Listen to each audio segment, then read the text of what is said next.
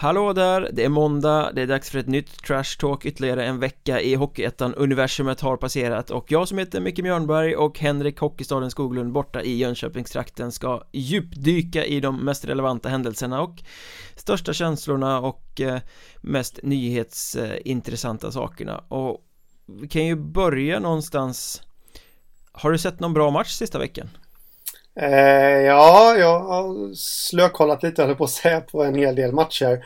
Eh, så ja, det, det, finns väl en del att prata om. Det jag tänkte inleda med det är ju att eh, jag blev lite imponerad av Dalen borta mot Mariestad där i eh, onsdags. Mm. 3-2 där... vände de till och vann där. Mm. Och då stod det 1-1 efter två perioder. Dalen eh, hamnade direkt i underläge mot Mariestad i den tredje. Och då tänkte jag att ja, det här kommer de inte vända. För ska man dra bakgrunden här då, Dalen har inlett strålande. Kan man ju säga då. In, inför Mariestadsmatchen så hade de väl, vad var det, sex raka segrar tror jag. Och... Eh, Sju till och med va? Mm, nej, inför Mariestad, nej de är åtta nu ja, så de hade sex raka mm. inför Mariestad, exakt. Eh, och då tänkte man ju någonstans, ja ja men, men nu är det Mariestad på bortaplan, det kommer de inte det kommer de liksom inte ta. Och så det här läget då i tredje perioden efter bara någon, någon minut underläge. Men det jag imponerades av här det var ju att eh, alltså de blev inte stressade. Och de började liksom inte chansa utan de fortsatte med sitt spel. Dalen och sprudlar utav självförtroende. Eh, och sen vet jag inte om jag minns helt rätt nu men jag tror att det var som så att eh, Mariestad hade powerplay och eh, Stridsberg fick tag i pucken och Jakob Stridsberg. Friläge. Satte pucken 2-2. Eh, och där trodde ju faktiskt att det var Jesper Törnberg som gjorde det målet för det var ju som det var ju som Stridsberg aldrig har gjort annat än haft, haft frilägen. eh, och sen bara någon minut efter det så Nils Gunnarsson, en enormt underskattad spelare faktiskt måste jag säga. Eh, I Dalen. En, en anonym spelare som eh, befann sig på rätt plats framför mål och eh, styrde in 3-2-pucken där och sen... Men det var den här som gick i sån här konstig båge över målvakten va? Mm, ja. Han bara seglade som en... Som ett Precis. golfslag ungefär. Pop. Men, men det där är lite, det är lite typiskt Nils Gunnarsson mål. Han, han, uh, han är, befinner sig ofta på rätt plats vid rätt tillfälle. Uh, och uh, jag, jag, är lite förundrad. Nu, nu ska vi inte nörda ner oss så pass mycket i Dalens laguppställning men jag är lite frågande till att han spelar i fjärde kedjan faktiskt. Jag tycker han mm. borde spela högre upp men det, det... Så är det. Och han gör ju bra ifrån sig ändå. Mm. Eh, det som är intressant är ju, de spelar ju som ett topplag och vi har ju diskuterat huruvida det beror på eh, serietillhörigheten eller de som lag Så det behöver vi inte göra nu men Men nu har jag inte riktigt koll på hur det blev i segermatch mot Malung nu senast Men inför den så hade de ju gjort 27 av 32 mål i spel med jämnt antal spelare på banan. Mm. och, och spelar ju ett rätt dåligt powerplay, de hade sämst powerplay i hela västra serien. Ja. Det, ju, det säger ju ännu mer om att de faktiskt har ett topplagsspel Ett stabilt grundspel och ett tålamod. Ja, ja absolut. Ehm, Det måste jag säga att det gör och det är bara att jämföra med andra lag runt om i Sverige som som, om vi tar närliggande HV71 då exempelvis som inte alls har gått bra men de har ju ett jättebra powerplay men de har ju inget bra 5 mot 5 spel. Mm. Så det här, ja, det här diskussionen då om att eh, ja, det är jätteviktigt att ha ett bra powerplay. Ja, det är det men det är ju inte helt avgörande. Det ser man ju på Dalen. Om ja, men det är ju grädden på moset om du har ett bra grundspel och ett bra 5 mot 5 mm. spel. Du kommer ju aldrig kunna leva på ett Sylvas powerplay om du inte är bra i de andra delarna av spelet. Nej, det, det, det, kan jag tycka att Det är så jävligt mycket snack om att man ska vara bra i powerplay nu för tiden. Eh, Så att det är liksom som att man tar det först. Ja vi ska ha ett bra mm. powerplay, det avgör matcher. Ja men ni måste ju göra grundjobbet först, ni måste ju ha det andra och sen kan ni addera ett powerplay Ja men Det, det är som att alla har så fruktansvärt bråttom. För heta ja, gröten liksom. ja. Sen ett bra 5 mot 5 spel ger ju ofta fler powerplay också. Givetvis Kan man väl ana. Men Nej, Marie... det, ja. ja, Mariestad då, det är, det är också intressant. Jag såg derbyt mot Skövde nu igår när vi spelade in det här och De gjorde en väldigt bra match, bra bortamatch. De höll i taktpinnen eh, halva matchen i alla fall Spelade väldigt eh, stabilt spel tycker jag. Så det är lite förvånande att de har gått på tre raka torsk Mot tre ja. toppkonkurrenter. 1-5 mot Borlänge, 2-3 mot Dalen då och så 2-3 mot Skövde igår. Eh, ja. Men det är väl lite den dippen man måste ha kanske. Man får inte poängen med sig alla gånger Men Mariestad ser ändå rätt bra ut tycker jag. Mm. I alla fall baserat väl- på derbymatchen. Det var en väldigt välspelad match. Jag tror inte jag har sett ett så välspelat derby på jättelänge Super Nej. eh, bra kvalitet på spelet faktiskt Ja, jag tycker de var bra mot Dalen också. Eh, men det är väl lite det vi har sagt också. Som du sa här, förlorat mot tre toppkonkurrenter. Vi har väl sagt det lite innan här att eh, Mariestad är inte lika starka som föregående år. Det är klart att de ska till allettan och allt det där och vara ett topplag i västra serien men, men eh, det här kanske är lite föraning då till hur det kanske kommer gå i allettan. Där. De kanske inte riktigt har det där lilla sista att eh, att eh, just nu, sen kan de absolut bli bättre, men, men just nu då att utmana mm. toppen. Nej, Och, och det där att de tappar matcher också. De ledde ju mot Skövde, ledde mot Dalen. Jag vet inte hur det gick i matchen innan det. Men, ja, 1-5 eh, mot Borlänge så där var de ju ja. borta ganska tidigt ja, precis. Men, men ändå att de tappar, det... Ja, vad kan det ha med att göra? Är det lite det här att alla trotjänarna har försvunnit och... Ja, du vet det här snacket. Så här gör vi i Mariestad. Att det inte riktigt har, har kommit in den här säsongen. mm. Än. Nej men det är klart att det är så Och det är ett ungt lag och det är Sen, sen ska vi väl säga att, att Skövde tog ikapp eh, 0-2 till 2-2 och sen vann i förlängning i I derbyt, det hade nog mer med Skövdes styrka och skicklighet än att Mariestad Vek ner sig och gjorde något fel Utan det var ett, var ett bra Skövde som Kämpade och Mariestad försvarade sig väldigt bra genom den matchen Eh, Det de gjorde mot det, det, det, som Skövde, där det som Skövde gjorde helt rätt där, det var ju Och det måste jag hylla, det var ju coachen Fredrik Ljunggren, han lyfte ju målvakten Med två, drygt 2.40 kvar Ja. Och spelade 6 mot 5 Och Mm. det tog 9 sekunder innan de lyckades styra in en kvitteringspuck Ja, just det. det, det, Älskar den typen av coaching Det är liksom, Mm. Vi väntar inte med målvakten tills det är en minut eller 40 sekunder kvar eller någonting Utan nej, vi ger oss chansen att komma ikapp här De har försvarat sig skitbra Vi måste vara en man med på isen, vi tar målvakten eh, Och så fick de utdelning Så att den, Mm. eh, den applåderar jag Ja, ja, men det är starkt. Eh, det, du, det du sa om Mariestad också. Jag tänkte på det att, eh, att det var Skövde som var bra där. Eh, mot Dalen kan jag ändå känna att Mariestad kanske, kanske backade hem lite för mycket, lite för tidigt. mm. Eh, om man nu ska hitta någonting som de inte gjorde bra i den matchen. Utan då att förta någonting för Dalen, för de var riktigt bra också. Så då, men eh, ja, det finns lite att jobba med i Mariestad.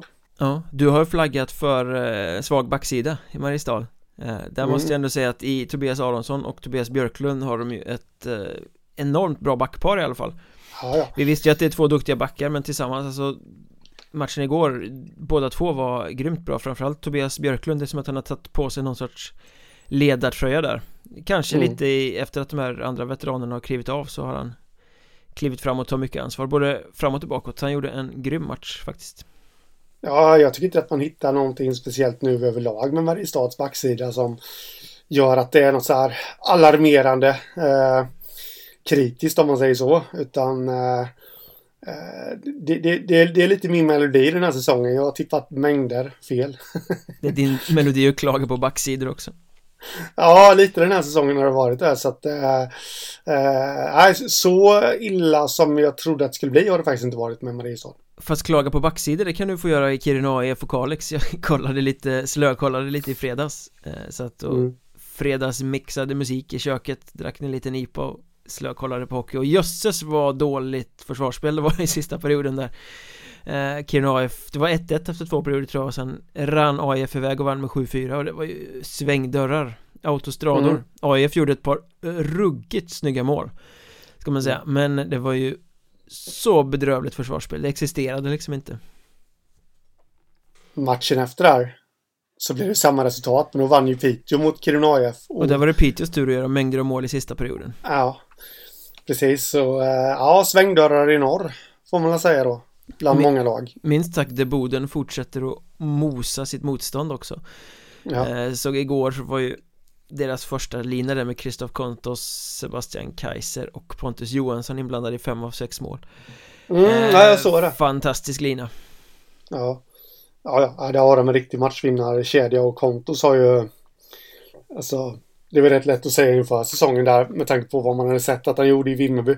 Att han skulle bli riktigt bra, men, men så här jävla bra som han har varit, det, det trodde man ju faktiskt inte. Nej, Inte jag i alla fall. det hade spottat in poäng verkligen Ja, så eh, frågan är ju nu vet ju att Boden är ju en klubb som står på egna ben.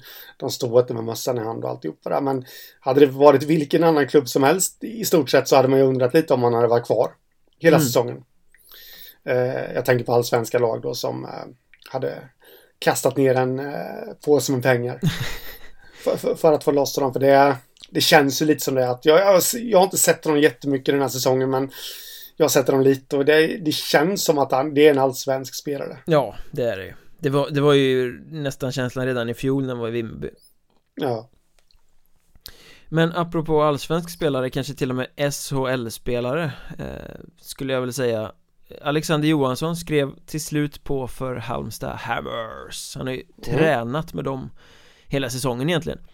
Ja. eh, Men nu ska han lira matcher där också. Och Ja, det är väl andra halvan av karriären men det är väl fortfarande ett fantastiskt eh, tillskott på Hockeyettan-nivå. Ja, eh, jag såg matchen där, jag såg de två första perioderna mellan Hanals och Halmstad i fredags. Och eh, jag måste ju säga att han, han hade ju en eh, liten extra dimension faktiskt. Och han gjorde väl, jag kommer faktiskt inte ihåg vad han gjorde poängmässigt nu, men, men det märktes ju när han var inne på isen, måste jag säga. Och Halmstad överlag körde ju fullständigt över Hanals. De var ju ruggigt, ruggigt bra. Eh, där kan man verkligen snacka David mot Goliat faktiskt. eh, fast eh, ja, tvärtom då. Hanals lyckades ju inte hitta något att, att sänka. Halmstad med. Eh, det var ja, ruskigt bra var de faktiskt. Jag blev riktigt imponerad eh, hela linjen där. Och, Har, eller säga, Halmstad blandar och ger verkligen. Ibland är de jättesvaga ja. och ibland är de jättestarka. Frågan är ju nu då hur, eh, hur, eh, hur det blir där med Alexander Johansson in i truppen då. Om han är en sån som kan stabilisera det lite. Mm. Eh, spelet där för eh, jag har inte sett Halmstad. Jag såg dem på försäsongen mycket men jag har inte sett dem så mycket nu inledningen av säsongen. Men, eh, men, eh, de kändes riktigt stabila. Eh, måste ju bara där, för att säga något positivt om Hanals, så enda gångerna de stack, upp det var ju när Liam Kirk-kedjan var inne. Mm. Med, med honom och ja, vad heter de nu? Första kedjan där, Elfström och Åh, oh, nu tappar jag namnet.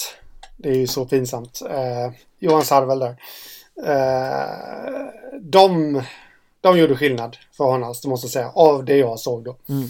Men folk verkar lite förvånade att Alexander Johansson skriver på för Halmstad. Jag tycker det är tvärtom. Det är märkligt att han inte har gjort klart tidigare, för han fiskar ju utlandskontrakt. Mm.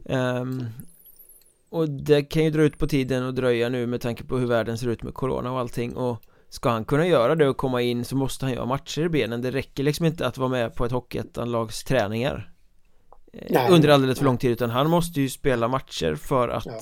vara i någon form av tempo eller så om det skulle uppenbara sig en chans utomlands mm. Eh, och då är det här en win-win för båda Halmstad får in en jättebra spelare och han får komma in i matchtempo och matchas igång ordentligt eh, så Är det jag, match jag, till match där? Ja, jag vet inte riktigt hur de har skrivit men kommer det något i Tyskland så är det väl klart att han drar Mm. du har ju alls ingenting att sätta emot liksom mm. Men jag trodde nästan att han skulle vara igång och spela tidigare för det här har ju varit snack om egentligen ända sedan försäsongen Att han mm. var aktuell för spel i Hammers Jag tror att det kan vara lite så här också att eh, Vad ska man säga eh, Jag tror att spelarna tänker väldigt mycket på på marknadsvärdet också. Nu, nu vet jag ju inte vad Alexander Johansson har tänkt såklart, men, men generellt så har jag tänkt på det där att att det är därför det dröjer lite för spelare att eh, krita på för Hockeyettan-klubbar då att eh, vill de ha ett kontrakt utomlands så kanske inte Hockeyettan är det absolut bästa skyltfönstret om man vill till en toppliga då. Men det ser fånigt ut på CVt SHL ja, eh, del Hockeyettan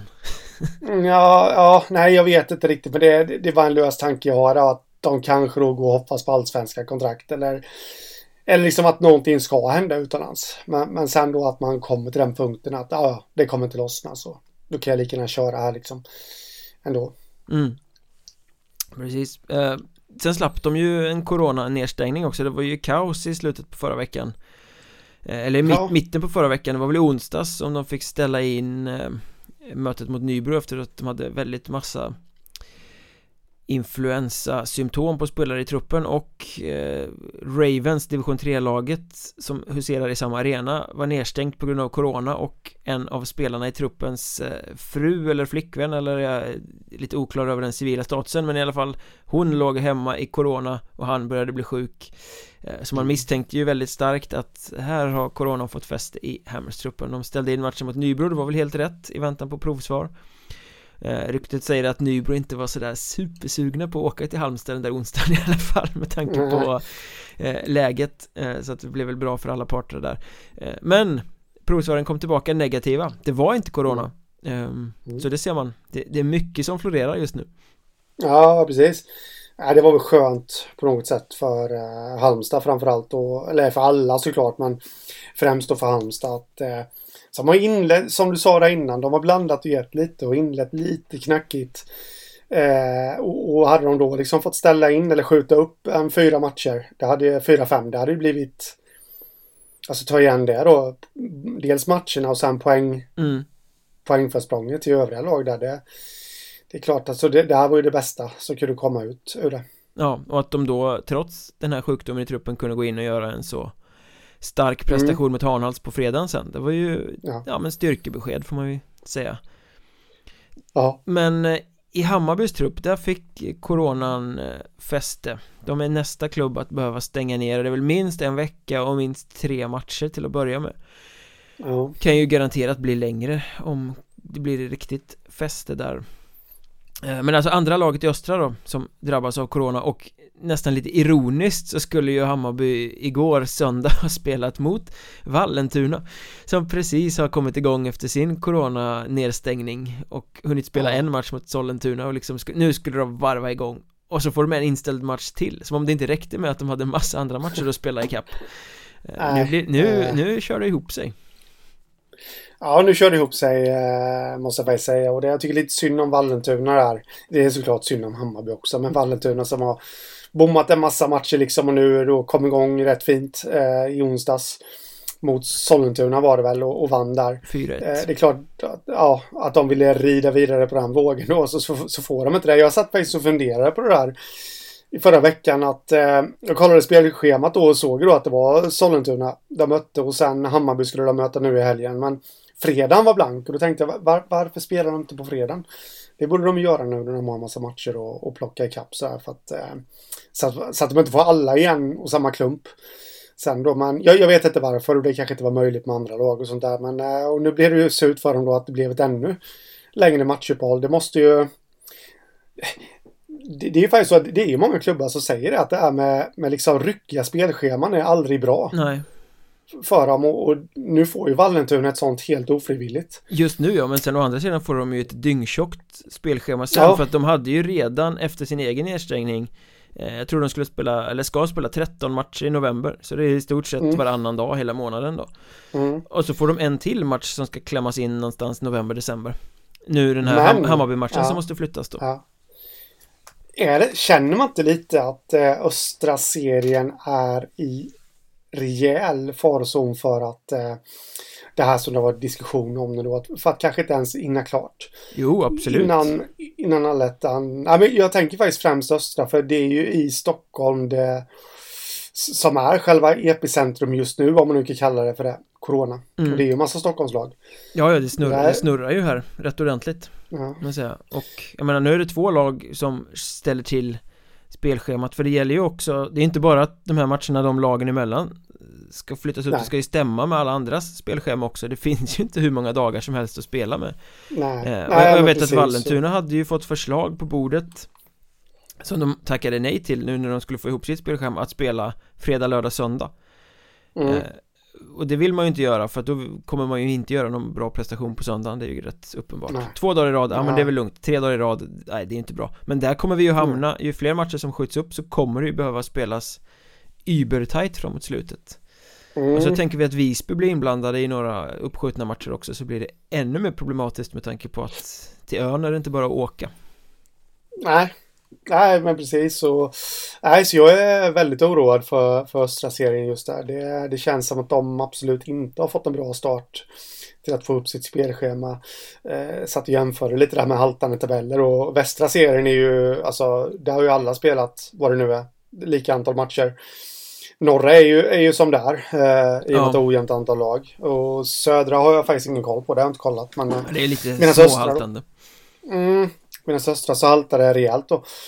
Eh, framförallt då med Vallentuna som bara kör två matcher. Så att, eh, ja, det ska bli spännande att se hur de löser det här. Det är ju hemskt med haltande tabeller. Man tittar på Hockeyallsvenskan där de har flyttat eventuella publikmatcher för att kanske kunna ha publik ja. i framtiden. Och den serien är ju liksom Vissa har spelat tio matcher och andra sju och någon sex och någon, ja men det är, ju, det är ju inget kul att titta på en sån tabell Nej, nej det är det inte men något som är kul att titta på det är ju mål. Eh, Och mål blev det inte när Kalmar trodde att de kvitterade till 2-2 borta mot Nybro Vikings med 6 sekunder kvar var det va? Ja, något sånt. Hög klubba dömdes målet bort för och det där blev ju en snackis får man väl säga. Eh, De allra flesta verkar ganska överens om att det inte skulle ha dömts bort det där målet både Nybro och Kalmar-supportrar och Kalmar-tränaren, den gamle Nybro-profilen Andreas Holfeldt var fly förbannad och eh, öste ur sig sitt missnöje i någon tidningsartikel där han konstaterade att Nybro-tränaren Tisse säkert satt och fikade med domaren Det var lite kul eh, Men vad säger du om situationen som har rört upp så mycket känslor? Mål eller inte? Jag ju... Ja, mm, ja Nej men jag måste nog säga jag har ju suttit och vevat den här situationen fram och tillbaka och gjort lite lite så här experiment i Photoshop och alltihopa och jag måste väl säga att det är rätt att döma bort det. Men det är ju ett gränsfall och då ska man säga att regeln är så här. De som har sett målet vet då att eh, klubban som eh, spelaren eh, Marcus von der Geest styr in pucken med är väl gränsfall på att vara över hans axel. Han står lite böjd. Men då är regeln som så här att styr in en puck eh, med klubban och det blir mål. Han är ju en bit ut i banan ska vara klart för oss. Men det blir mål på det här. Då är det ribbans höjd som gäller. Och den är ju omöjlig att se. Eh, alltså jämföra den med, med vad, vad pucken träffar på klubban. På de här bilderna. Men, men samtidigt då får man ju ändå sluta sig till att eh, von de Geest är 1,80 lång. Han är lite böjd. Klubban är gränsfall på att vara över hans axlar. Eh, ja, men då är det nog över målburen. En målbur som är 1,2 meter tror jag i, i höjd. Så på så vis rätt. Men eh, ja, jag, jag, vet inte riktigt om jag, om jag ändå känner att så, det, det jag känner, vad är spelkänslan från domarna? Eh, där. Det är inte för att kritisera domarna nu så här, för det, det var ju ett rätt beslut. Men det var väl eh, rätt mycket palaver också, de diskuterade och liksom Det blev en liten ja, en scen där innan det slutgiltiga beslutet togs.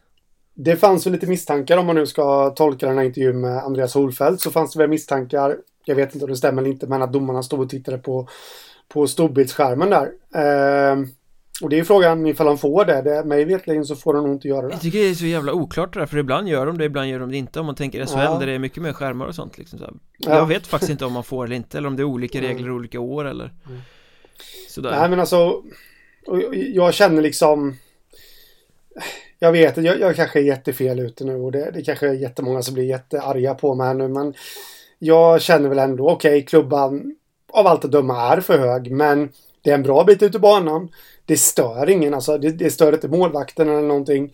Eh, alltså låt det bli mål då. Mm, är... Det är ju inte så att han står liksom en centimeter från ribban och plockar ner pucken och lägger in den utan det är ju en bra bit ut i plan. Jag, jag, är helt på den linjen och jag tycker väl som så att hockeyn går ut på att göra mål, vi vill se mål. Vi vill liksom eh, att det ska vara mycket mål på något sätt och, och offensivt och sådär. Men då tycker jag att det är alla, alla och kvittar i om det är offside i målgården eller om det är hög klubba eller vad fasen det är. Är det millimeterbeslut? Är det tveksamt om det är liksom hög klubba eller inte? Släpp det. Godkände Eh, vi kan inte ha en hockey där vi liksom letar millimeterbeslut för att ta bort mål Det är ju mm. helt fel väg att gå utan eh, Är det en solklar regelförseelse såklart, döm bort det mm. Men är det minsta lilla gränsfall Tillåt Så vi måste mm. ha målen, vi kan inte hålla på att ta bort sådana här mål som är gränsfall för att då dödar man sporten tycker jag. Och, och jag menar det, ja, det, det, skadade ju Kalmar att inte få det där målet mycket mer än det skadade, hade skadat Nybro om de hade fått det emot sig för Nybro hade ändå fått poäng med sig från den här matchen.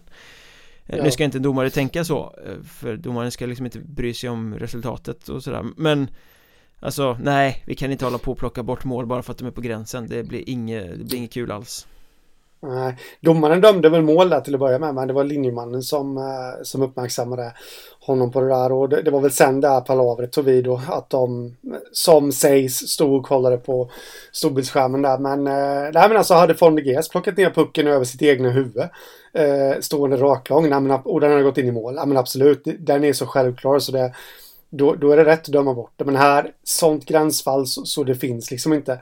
Eh, jag vill nog nästan, om man tyder de bilderna så, jag har gått väldigt mycket på klubbbladet faktiskt. Eh, och, och, det är ju över axeln. Men det är ju där, där pucken träffar och då vill jag nog nästan säga att det är en bra bit längre ner på klubban. Eller längre upp beroende på hur man ser det här nu då. Men och då, då, vill jag nog inte få det till att det ens är över axelhöjd. Eh, men ja, okej, okay, det kan vara över ribban men ja, återigen, det påverkar Ja, det påverkar spelet på så sätt att pucken gick in i mål. nej, nej, det är liksom inte så att... nej, men alltså det, det, det, är liksom inte så att en back blev hindrad i sitt arbete för att täcka bort honom eller något, något sånt där. Att klubban var, var lite hög där. Så, nej. nej, det skulle det, varit mål. Det, I min ja, värld är det där mål alla, alla dagar i veckan. Så, så efter kommer vi på Mjölnbergs trash talk här nu alltid köra en tabell räknad på i alla fall en poäng. Ja, precis. Vi räknar om den nu. Ja. Eh, apropå 2-1 så var det ju fjärde gången i rad som Nybro vann med 2-1 eh, mm. En styrka eller en svaghet kan man ju säga Offens eller defensiven Snortajt, Robin Johansson jättebra Nybro ganska stabila överhuvudtaget Men det är dålig produktion framåt Och in, ja. inför säsongen varvar de ju Riker Lear Erik Gustafsson och Adam Persson eh, ganska stora varvningar Alltså Riker Lear var ju bäst i Visby i stort sett och, och, eh, Adam Persson från Kalmar och allting där. De skulle vara den här andra linen som Som producerade för att de tyckte att I fjol så levde de högt på en lina bara, nu skulle de ha två. Men den här linan har inte producerat någonting i stort sett i säsongsöppningen och till derbyt mot Kalmar nu så splittrar de på dem. Flyttade på Riker Lear och stoppade in Marcus Palmberg tror jag. Mm. um, Ska vi vara oroliga för Nybros offensiv eller är det någonting som kommer komma? Eh, jag vet inte, alltså har, har vi inte haft den här diskussionen föregående år också? Jag, vet vi har pratat om Troja, jo, vi har pratat om Västerås. Och Troja kom aldrig. Eh, Egentligen. Nej, men ja, men var inte det det året de gick upp? Nej, jag, vet, jag kan minnas fel. Västerås var det, de var ju bara ner. Ja. Uh, men i alla fall, uh, jag vet inte riktigt uh, om man ska vara så jätteorolig. Huvudsaken är att defensiven sitter där de är med i toppen. Eh, ah, ja, jag är inte så orolig faktiskt. Det, det känns som att de, ja, men de, de gör ju det som krävs för att vinna matcherna.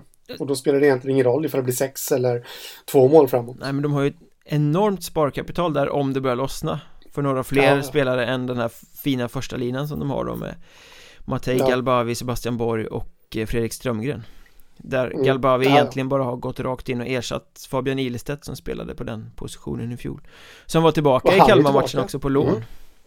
uh, hur, hur, länge ska han vara på lån? Det har inte jag riktigt Det var tre, fyra matcher till att börja med va? Något mm, sånt där, så många av lånen är nu för mm. tiden Känns ju lite som att eh, Ja, nu ska han inte vara där så länge då men, men ifall det blir under en längre tid eh, Vi vet inte när, alltså anledningen till att han är i Nybro tillbaka i Nybro det är ju att Västervik har massa AHL-lån, NHL-lån. Mm.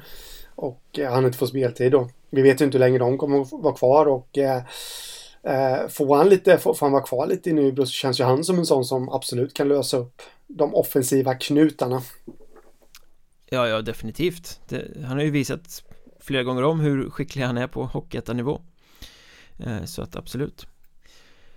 Sen hade vi säsongens första tränaroffer här i veckan också eh, I, ja. i fjol eh, gick det inte så bra i Mörrum eh, Då fick han sparken redan under försäsongen I år klarar han sig fem omgångar in i i grundserien innan han fick gå från Kiruna IF Och den vi pratar om det är Sergej Tjukov Där Precis. Mm. Ja, vad ska man säga om det? Jag vet inte vad man ska säga om det faktiskt. Jag tycker att eh, jag har varit inne på det här så många gånger innan. Eh, det har ju pratats om att eh, det man hör om Sergej Tjukov det är ju liksom att eh, alltså enormt hockeykunnare. Han kommer ju från den här gamla ryska skolan liksom. Eh, och, och, har enormt mycket med sig i bagaget. Men att i den här moderna hockeyn, moderna lagsammansättningen med, med individer och allt det där. Så han har lite svårt att kommunicera ut eh, sitt budskap. Det är vad man har. Sen har inte jag såklart varit på plats i något omklädningsrum och sett det själv, men eh, det är i alla fall vad man hör och, och ja, och det funkar inte i Kiruna heller. Nej, och det var väl egentligen ingen som blev särskilt förvånad. Nej. Alltså raden börjar bli ganska lång nu av ställen där det inte funkar på något sätt. Där känner ju jag eh, lite att vi, vi har en del sådana där tränare faktiskt runt om i Sverige som vi sitter enorm kunskap. Eh, men som faktiskt inte utövar sitt yrke just nu. Eh, dra några exempel då. Eh, Leif Bork. Han har sagt själv att han inte ska coacha mer för alltså det, det går för snabbt. Han börjar bli lite gammal och alltihopa det där. Vi har Roger Melin som väl lyckades i Leksand. Sen fick han gå. Och, och innan han lyckades i Leksand så fick han gå för Brynäs också. Vi har en sån som Conny Evensson som väl aldrig någonsin har fått sparken i hela sitt liv. Men han coachar inte heller. Eh, jag känner lite alltså... Surahammar ska... var riktig Per Bäckman i fjol. Ja, lite det också liksom. Och jag känner lite att borde man inte utnyttja de här eh, ändå? Som vi nyss har räknat upp. Eh, jag menar kanske inte då. Ja, men det kanske kan ligga något i det där att, att det krävs ett modernt ledarskap. För att, eh, för att få, ihop, få ihop gruppen och allt det där. Men jag tänker lite som så här senior advisor, alltså verka lite i bakgrunden. Eh, Kristianstad hade ju det för några säsonger sedan. Eh, när Mats Lust plockade in Timo Lahtinen. Just det. Ja, precis. Så jag skulle vilja se lite mer sånt faktiskt. För det finns en enorm kunskap där. Jag sitter faktiskt rätt ofta och hummar med när, när Leif Borg skriver något fyndigt på Twitter liksom att ja, han har ju rätt. Fast har han verkligen det? Jag tycker att 75% av fallen så är det ju bara gammalt gubbgagg som kommer från honom. Sen kan han ha någon, blir... någon poäng Men med tanke med, på kvantiteten tweets han skriver så, så är det ju ganska tunnsått med poängerna kan jag tycka. Ja, Han är ju jag, världsmästare tycker... på allt liksom. jo, jo, men om vi snackar väder här då så har han ju järnkoll alltså. Nej då, men eh, nej, men jag tycker ändå att man, man, man borde utnyttja de där lite mer.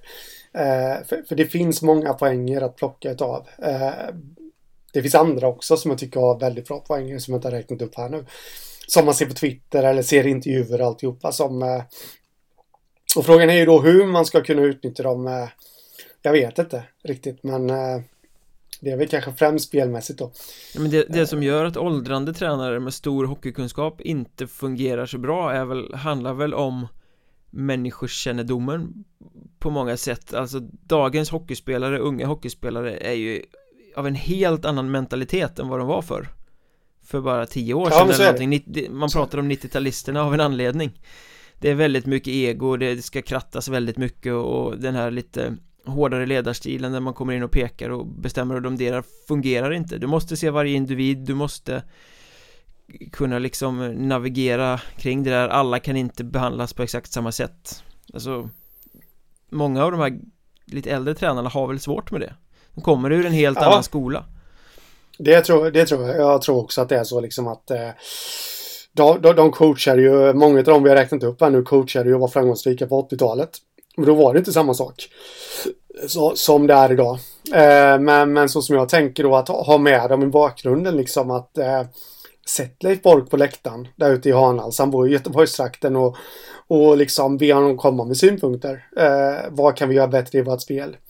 Eh, också ledarskapsfrågor lite där att eh, med, med visst mått då liksom att eh, om, nu snackar jag inte just om Hanhals såklart, men, men vilken klubb som helst liksom att eh, ja, har, har den nya tränaren problem med gruppen, ja men ta lite lärdom då av de här gamla uvarna. De, de har ju nått liksom eh, så de kan bidra med. Mm.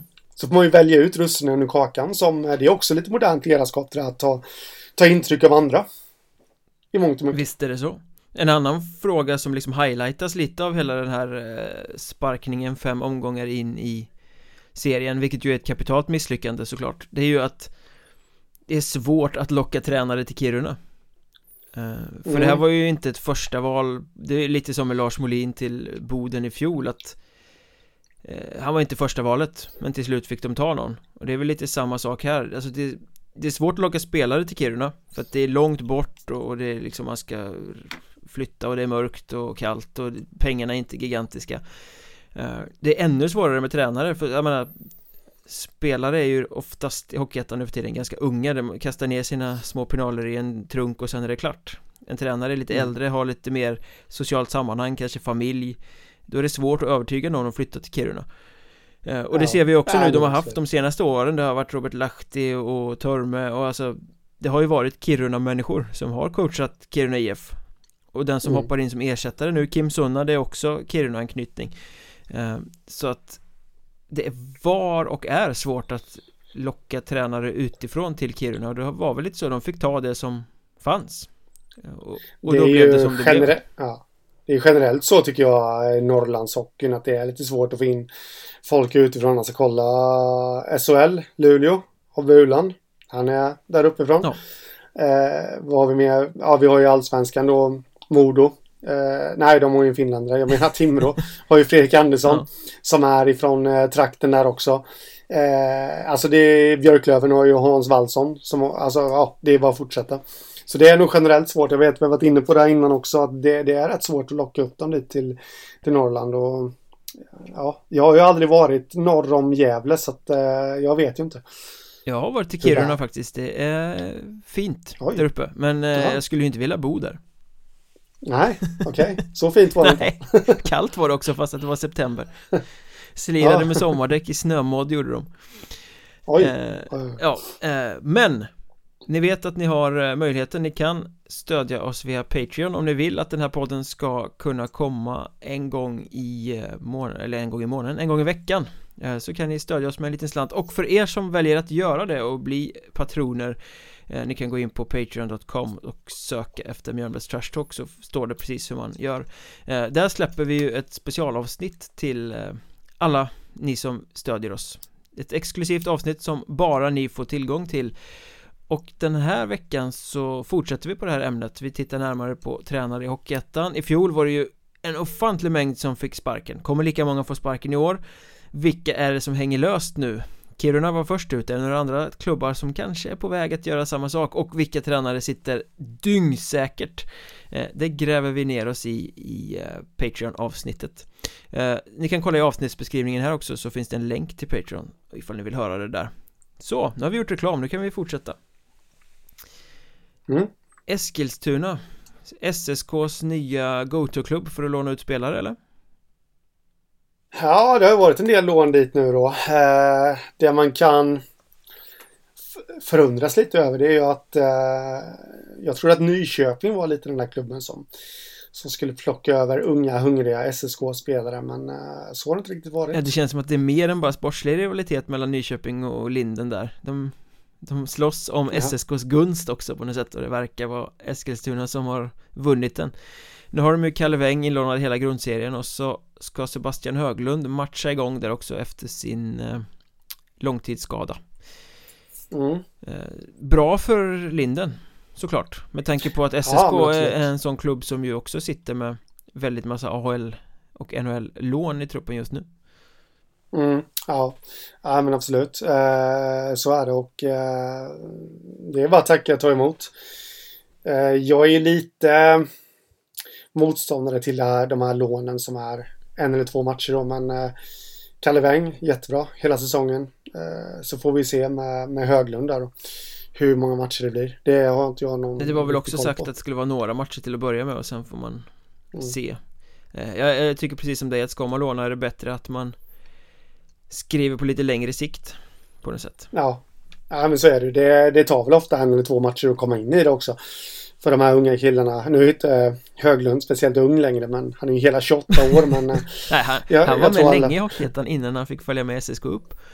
Jag kommer ja. ihåg han pryglade in poäng för Tierp och sånt där en gång i tiden. Mm. Gamla heliga tider. Ja, var länge sedan. kom tillbaka. Precis. Uh, ja. Men du, vi måste prata lite om det här med ansvar också. Uh, och ekonomi på något sätt. Jag blir lite störd här. Det, jag ska ösa ur mig ett resonemang så får vi se om du håller med eller inte.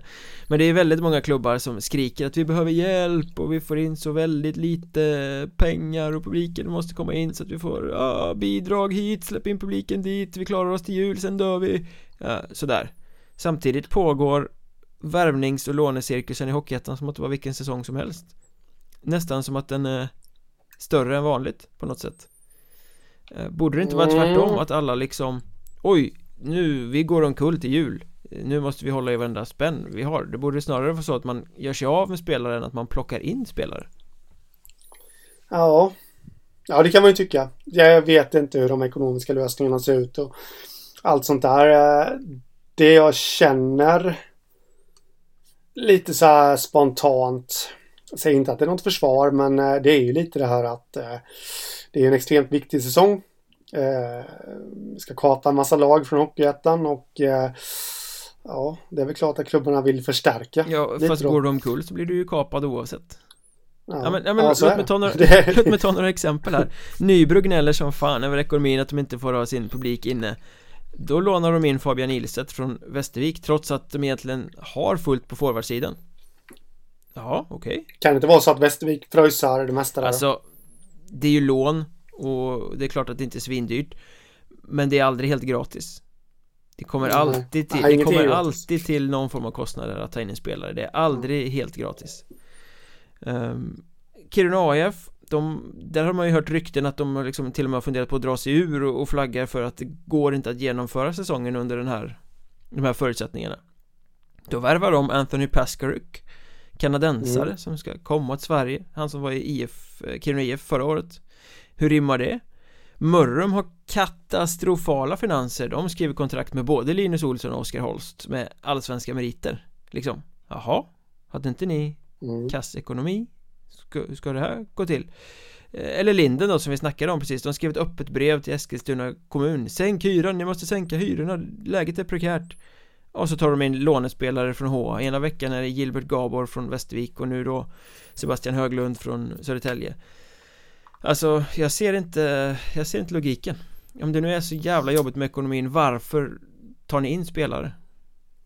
Och, mm. och, och Nej, det, att det man förtjänar någon som helst hjälp när man gör det För att man visar ju bara att man inte tar ansvar Det rimmar ju inte bra och som du säger där Ja På något sätt vis så känner man ju att det Att det ger en signal om att man inte tar ansvar Sen Återigen Ja, de kan ju ha satt en coronabudget och, och, konstigt nog, även om inte jag förstår hur, så, så kanske då de här killarna som de har värvat eller lånat ändå går in under den där coronabudgeten. Jag vet inte. Men eh, oavsett vad så, så kanske man i vissa fall hade kunnat undvara några spelare. Jo, men alltså eh. vi ser det i SHL nu klubbar som börjar kapa löner på spelare. Eh, SHL handlar det väl tror jag snarare om att man tar bort bonusar skulle jag tro För det är väl så mm. kontrakten är uppbyggda eh, Men Alltså Där borde det ju hamna i ettan också förr eller senare om, om ekonomierna fortsätter vara så dåliga Hur ser det ut då? Hur ska klubbarna kunna gå till sin befintliga spelartrupp och och säga att ja men fan förra veckan tog vi in de här tre men nu måste vi sänka din lön mm. Alltså det funkar men, ju inte mm. Där är jag lite där, där kan vi verkligen snacka om ansvar Eh, och då, då, då, pratar jag mer om ett socialt ansvar och ansvar för sina anställda. Att eh, min tro är ju att det inte går att kapa så speciellt mycket från från eh, lönebudgeterna i eh, Hockeyettan. Bland många klubbar. Det finns säkert en del klubbar där man kan kapa en hel del. Men, men om man tar generellt här nu så tror jag inte att man kan kapa så mycket för att hur ska spelarna överleva? Liksom, de, de, de har ja, ett halvtidsjobb säger vi då.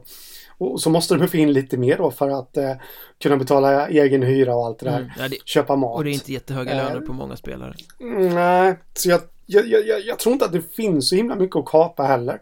Om man ska vara helt ärlig. Eh, det, det är klart att det finns något och det kanske finns no, några lag som har bonusar och alltihopa det där som man kan plocka bort. Då, men men eh, så där känner väl jag lite att toppklubbarna sitter lite i en, eh, i en rävsax om, när det handlar om att kapa kostnader. Däremot så ska vi säga det att eh, det ska vi väl prata om lite senare här också då att eh, det räddar ju en hel del att det kommer komma förhoppningsvis 300 mm. i publiken här nu. Men, men att det, om det är svårt att kapa befintliga kostnader är det väl dumt att dra på sig ytterligare kostnader, tänker jag. Ja, ja det kan man tycka. Faktiskt, men, men, men då är det ju återigen till det här då att hur ser deras coronabudget ut? Har de ansett att, äh, att, äh, att de här nytillskotten kan ingå i den? Ja, då, då, då är det ju Fast så. samtidigt vet Sen... vi att många har lagt sin budget utifrån någon sorts vild fantasi om att det skulle sitta 700 pers på läktaren. Det var precis det jag tänkte komma också då. Att eh, eh, budgeten, att hålla sig inom den, det är ju en sak, men frågan är ju hur rätt budgeten är. Jämfört med vilken, eh, vilken verklighet vi, vi faktiskt lever i nu. Eh, så det, det, är ju, det är ju en annan fråga där då. Ehm, jag har lärt mig lite det där att man kan egentligen komma undan med hur mycket som helst bara man hänvisar till sin budget. Ja, ja. Och, och ingen ställer någonsin följdfrågan, ja men nu är ni i ett prekärt läge, har ni inte Har ni inte funderat på att omfördela pengar från spelarbudgeten till betala hyran-budgeten istället? Ja. Nej, nej, nej, nej, nej, det är olika kassor, det är olika kassor. Ja, ja. Klassisk idrotts, idrottsretorik. Eller ja, kommunalretorik även... också om jag vill ja, säga så. det, det, det var snarare så jag ville få det till också Faktiskt. Eh, så att, eh, ja, nej, men det som du säger där, det, det ser inte jättesnyggt ut, men ja, bara hoppas att de inte går omkull. Nej, jag får en dålig smak av att eh, värvningstombolan fortsätter snurra trots att läget är som det är och att Ja, i stort sett alla flaggar för att det är svårt med ekonomin och det är ju väldigt många av toppklubbarna som har sagt att vi klarar till jul Sen är det kokt mm.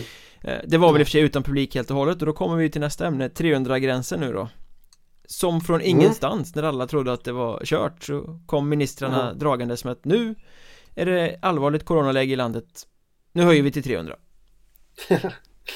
Jag tror att eh, jag såg att någon spekulerar i det där och jag, jag tror att jag Eller tror, jag håller väl lite med om det där att eh, Det vi såg förra helgen och förra, förra var det väl också på nattklubbar och sånt där eh, Jag tror att regeringen vill skicka en liten signal här nu att eh, Nej, ni har inte skött er. Nu drar vi undan fel liksom. Men idrotten som ändå har eh, ja, lovat dyrt och heligt att de nu får de ett nu får de en chans här liksom. Mm. För jag, jag tror ju inte, jämför man siffror och alltihopa, nu är inte jag någon statsepidemiolog och, och jag kan inte så jättemycket om sånt där, men jämför man siffror vilket jag försökte göra för, för några vecka sedan och satt och grottade ner mig lite så här. Så det, vi, vi är ju inte där, där vi är i vår. Alltså, alltså, vi är inte där, inte ens på långa vägar. Eh, jämfört med i våra så har vi absolut inget akut läge i, i landet. Men sen förstår jag, det är på väg upp så det finns alla anledning att eh, Man vill väl va man vara vaksam. Väl, eh, hantera det bättre nu än i, vår, i våras visste man ju inte så då kommer ju ja. åtgärderna för sent. Ja. Om man drar Precis. tidigt nu så kanske man slipper den typen av eskalerande och, och där, problem. Ja, och, och därmed så tror jag då att det, det är nog ingen större fara att de släpper in de då, alltså eh, Folkhälsomyndigheten anser väl inte att det är någon större fara att det kommer in 300 pers på en eh, på ett idrottsevenemang ifall man kan hålla isär dem alltihopa det där eh, så som läget är nu. Nej. Eh, däremot en, en väldigt intressant fråga i, i det här. Alla jublar ju såklart över eh, att det får komma in publik Ungefär lika många buar över att det bara är 300 Eh, Sådan är ju debatten Men det verkar som att precis alla i hela den här sportdammen Från journalister till fans till klubbar Förutsätter att det kommer att komma 300 pers nu när man från mm. första november kommer att få släppa in 300 pers. Och jag är så här Hela det här resonemanget bygger ju då bara på en förutfattad mening att folk kommer att vilja komma tillbaka i samma utsträckning som förut och gå på, på idrott. Det är klart att har du en klubb som har ett stort publikunderlag Jag menar de här, de här klubbarna som Troja och Nybro och Skövde och Mariestad och allt vad det nu är som Som snittar en bra bit över tusen pers på sina matcher de kommer nog inte ha några problem att hitta 300 själar som är beredda att gå på hockey. Men i övrigt så är jag inte alls säker på att folk kommer stå i kö för att dag ut och dag in gå på hockey och utsätta sig för att trängas med människor i, i ishallar. Alltså det har hänt väldigt mycket sen i våras. Um, Dels så har många tagit en ekonomisk smäll, folk har blivit av med jobbet. Folk har fått gå ner i arbetstid. Många går på a-kassa. Inte alls lika fett i plånboken längre. Attityder har ändrats, vi, vi eh, tar det försiktigare med interaktion med andra människor. Eh, Nu kan jag vara storstadsfärgad här eftersom jag bor i Stockholm och här är det så, jag har varit ute ganska mycket på mindre orter där det är som att corona inte finns. Så att det är möjligt att den där navi naiviteten finns där mer. Det, det, finns inte här liksom så att folk går på sin hockey. Men mm. jag tror att många kan vara liksom försiktigare med att utsätta sig för folksamlingar så för mig är det inte helt yeah. givet att det kommer finnas 300 pers som varje kväll kommer stå i kö för att komma till matcherna. Jag tror att folk kan vara lite mer försiktiga, hålla mer i pengarna, vara lite smittsäkert försiktiga. Så att det blir Jag tror ju att publiken kommer men jag tror att det kommer bli en större utmaning än vad klubbarna faktiskt tror att locka publiken tillbaka till arenorna. Jag kan referera till en uh, undersökning där faktiskt uh, Ticketmaster, om du känner till dem. Jajamän. Mm. Eh, de är ju rätt stora i USA då, och de gjorde en, de genomförde faktiskt en undersökning bland amerikanska sport och ja, evenemangsfans helt enkelt då, alltså både sport och, och konserter. Eh, för några månader sedan och eh, när allting är över var frågan då. Kommer du gå tillbaka till evenemang? Endast 33 procent skulle gå tillbaka direkt. Faktiskt. Mm. För de hade fått sig en liten tankeställare och, och tänkt till och sådär. De, äh, de ville nog vänta lite. Eh, nej, 66 procent skulle inte gå tillbaka direkt. Varav 33 då trodde att det skulle dröja jättelänge innan de kom tillbaka. Men 33 procent tänkte att ja, jag avvaktar lite så får jag se hur det går. Men eh, jag tycker redan på märker redan nu här i Sverige att eh, man ser en del klubbar nu när det är 50 pers bara som, som är ute liksom. Vi har fortfarande åtta biljetter kvar. Mm. Vi har fortfarande tre biljetter kvar. Så det känns ju lite som att du är, du är någonting på spåren där att eh, nu kan ju det där bero också på att eh, ja, man sitter hemma och tänker liksom ja, ja men den där 50 är redan sålda liksom. Det är ingen idé. Så kan det också Definitivt vara. kan det vara så. Eh, men eh, sen ska vi även ha klart för oss då att hur många klubbar klarar av att ta in 300 pers? Om man nu ska hålla avstånd och det ska vara sittplatser och alltihop. Nej, så kommer det ju bli. Alltså, det, det, kan ju vara klubbar som får ett maxtak på 120 pers. För att det är vad som går att ha smittsäkert i det lilla skjulet där de spelar sina hemmamatcher. Mm. Eh, så det kommer det ju garanterat vara. Eh.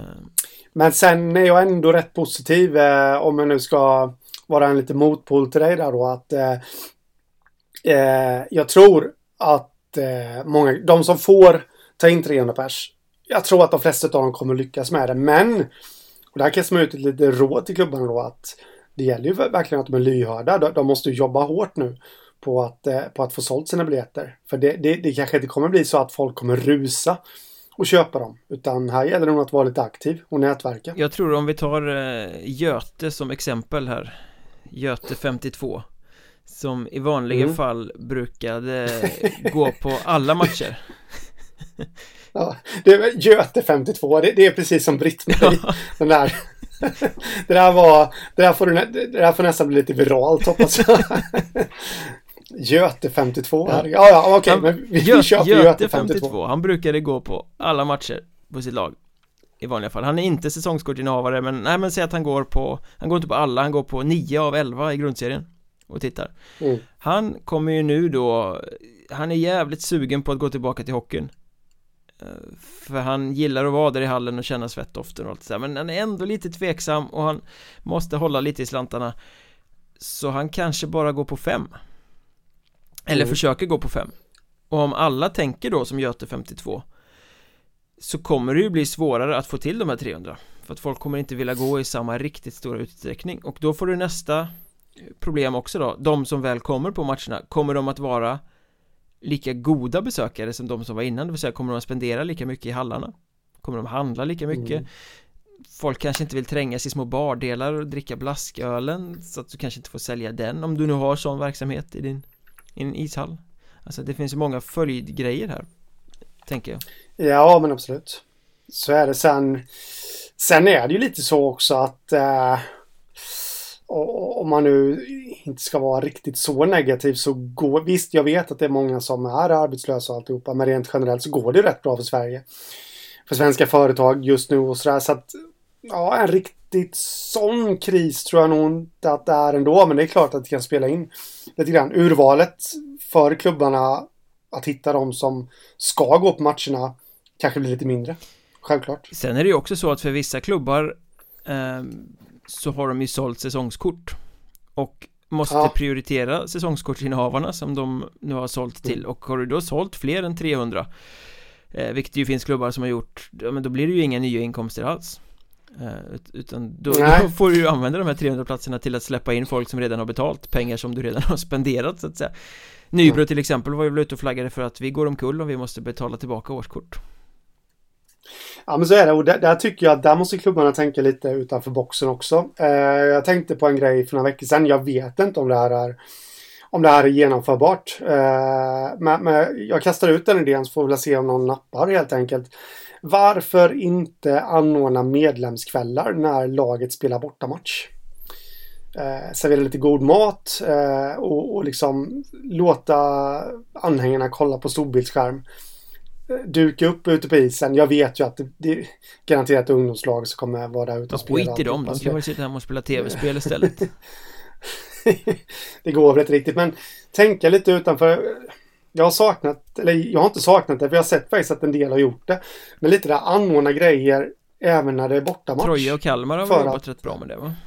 Ja, och jag tycker faktiskt att fler borde följa efter lite där att eh, vad fan, lite samkväm liksom. Och då, då, kan jag väl pröjsa 250 spänn för en hamburgare.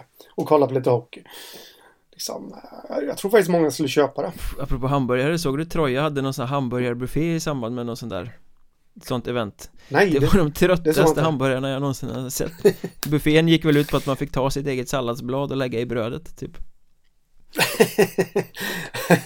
ja, uh, ja, men det där är ju alltså om man nu ska snöa in på det där lite, där var ju Troja ärliga.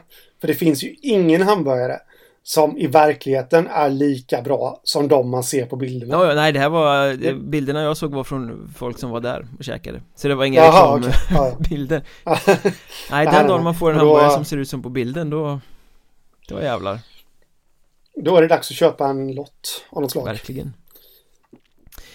Uh, nej men det finns ju mycket att göra, jag hoppas ju verkligen att alla får lapp på luckan i uh, alla matcher resten av säsongen. Så länge publikbegränsningen mm. är 300 då. Och det är ju bara positivt att det höjs upp lite grann. Men jag, jag är inte så stensäker, jag kan bli lite trött på att Debatten kring hockeyn fortsätter att vara lika naiv som den har varit ända sedan eh, Corona dök upp. Man förutsätter att saker ska vara som de alltid har varit Istället för att tänka utanför boxen och hitta nya vägar och vara Alltså ho hockeyn och hockeyettan-klubbarna i största allmänhet är jävligt trötta Vad det gäller sånt det rullar på som det alltid har gjort och sen Ja. Alltså det måste göras mer, man måste jobba hårdare när det är som det är. Det är väl lite hockey generellt att det är väldigt konservativt. Ja, väldigt. Känner jag. Eh, Vilket jag kan uppskatta. Till stor utsträckning Vi är så olika men, du och jag kanske, inte, kanske inte i allt eh, givetvis. Jag håller ju med om att det behövs att tänkas utanför boxen i, i rätt mångt mycket men det är det, det är ju så det är från spelare till ledare egentligen. Alltså spelare har sina rutiner som de har haft i 17 år liksom. Och ja, klubbarna har sina, sina rutiner. Så att, eh, det är därför Göte 52 trivs så bra. Sen innan vi slår igen eh, det här också så måste vi göra en shoutout och säga grattis till eh, Huddinge som blev eh, last team standing så att säga enda laget utan poängförlust så här långt in i säsongen efter att mm. Enköping mm. tappade två pinnar mot Hudiksvall på söndagskvällen. Mm. Men en bra, det är också lite intressant där, en bra bit upp till Hudiksvalls rekord från säsongen sen har de Det var ju 20 raka segrar. Frågan är om det inte var Huddinge in... som spräckte den sviten sen också. Mm, det var Huddinge som gjorde det. I omgång 21. Just det, på bortaplan. 1-0 äh... eller något sånt där. Uh, vet du det? Vad, vad är rekordet egentligen i hockey? Det... På antal segrar? Det måste väl vara Hudiksvalls uh, 20 va? I alla mm. fall i den formen Hockeyettan är nu. Eh, Sen, mm. sen har ju liksom eh, Division 1 har ju varit olika typer av divisioner. Det har varit andra liga och det har varit så det finns säkert liksom Om man gräver långt bak i historien finns det säkert Större rekordsviter att gräva fram. Men jag, jag skulle tro att Hudiksvalls 20 eh, Är den, är den ja. bästa. Så där har ju, där har ju Huddinge en bit kvar. Det har de verkligen och Ja, men det får bli en fråga. Hittar ni någon som har vunnit fler än 20 matcher i rad så hojta till på oss i så fall. Det kan ni då göra i sociala medier. Att Mjornberg heter jag, att Hockeystaden heter Henrik, att Mjornbergpodd är poddens Twitterkonto. Vi finns på Facebook och Instagram under Mjörnbergs Trash Talk. Det är bara att ni söker. Och ni som stöder oss på Patreon, det kan ni göra på patreon.com Sök efter Mjörnbergs Trash Talk där så hittar ni oss Där går snacket vidare nu med tränarspekulationer Vilka hänger löst? Vilka kommer få sparken snart? Vilka sitter dyngsäkert? Vi hörs där Tills dess så ha det så gött det, Ha det bra, hej! Ciao!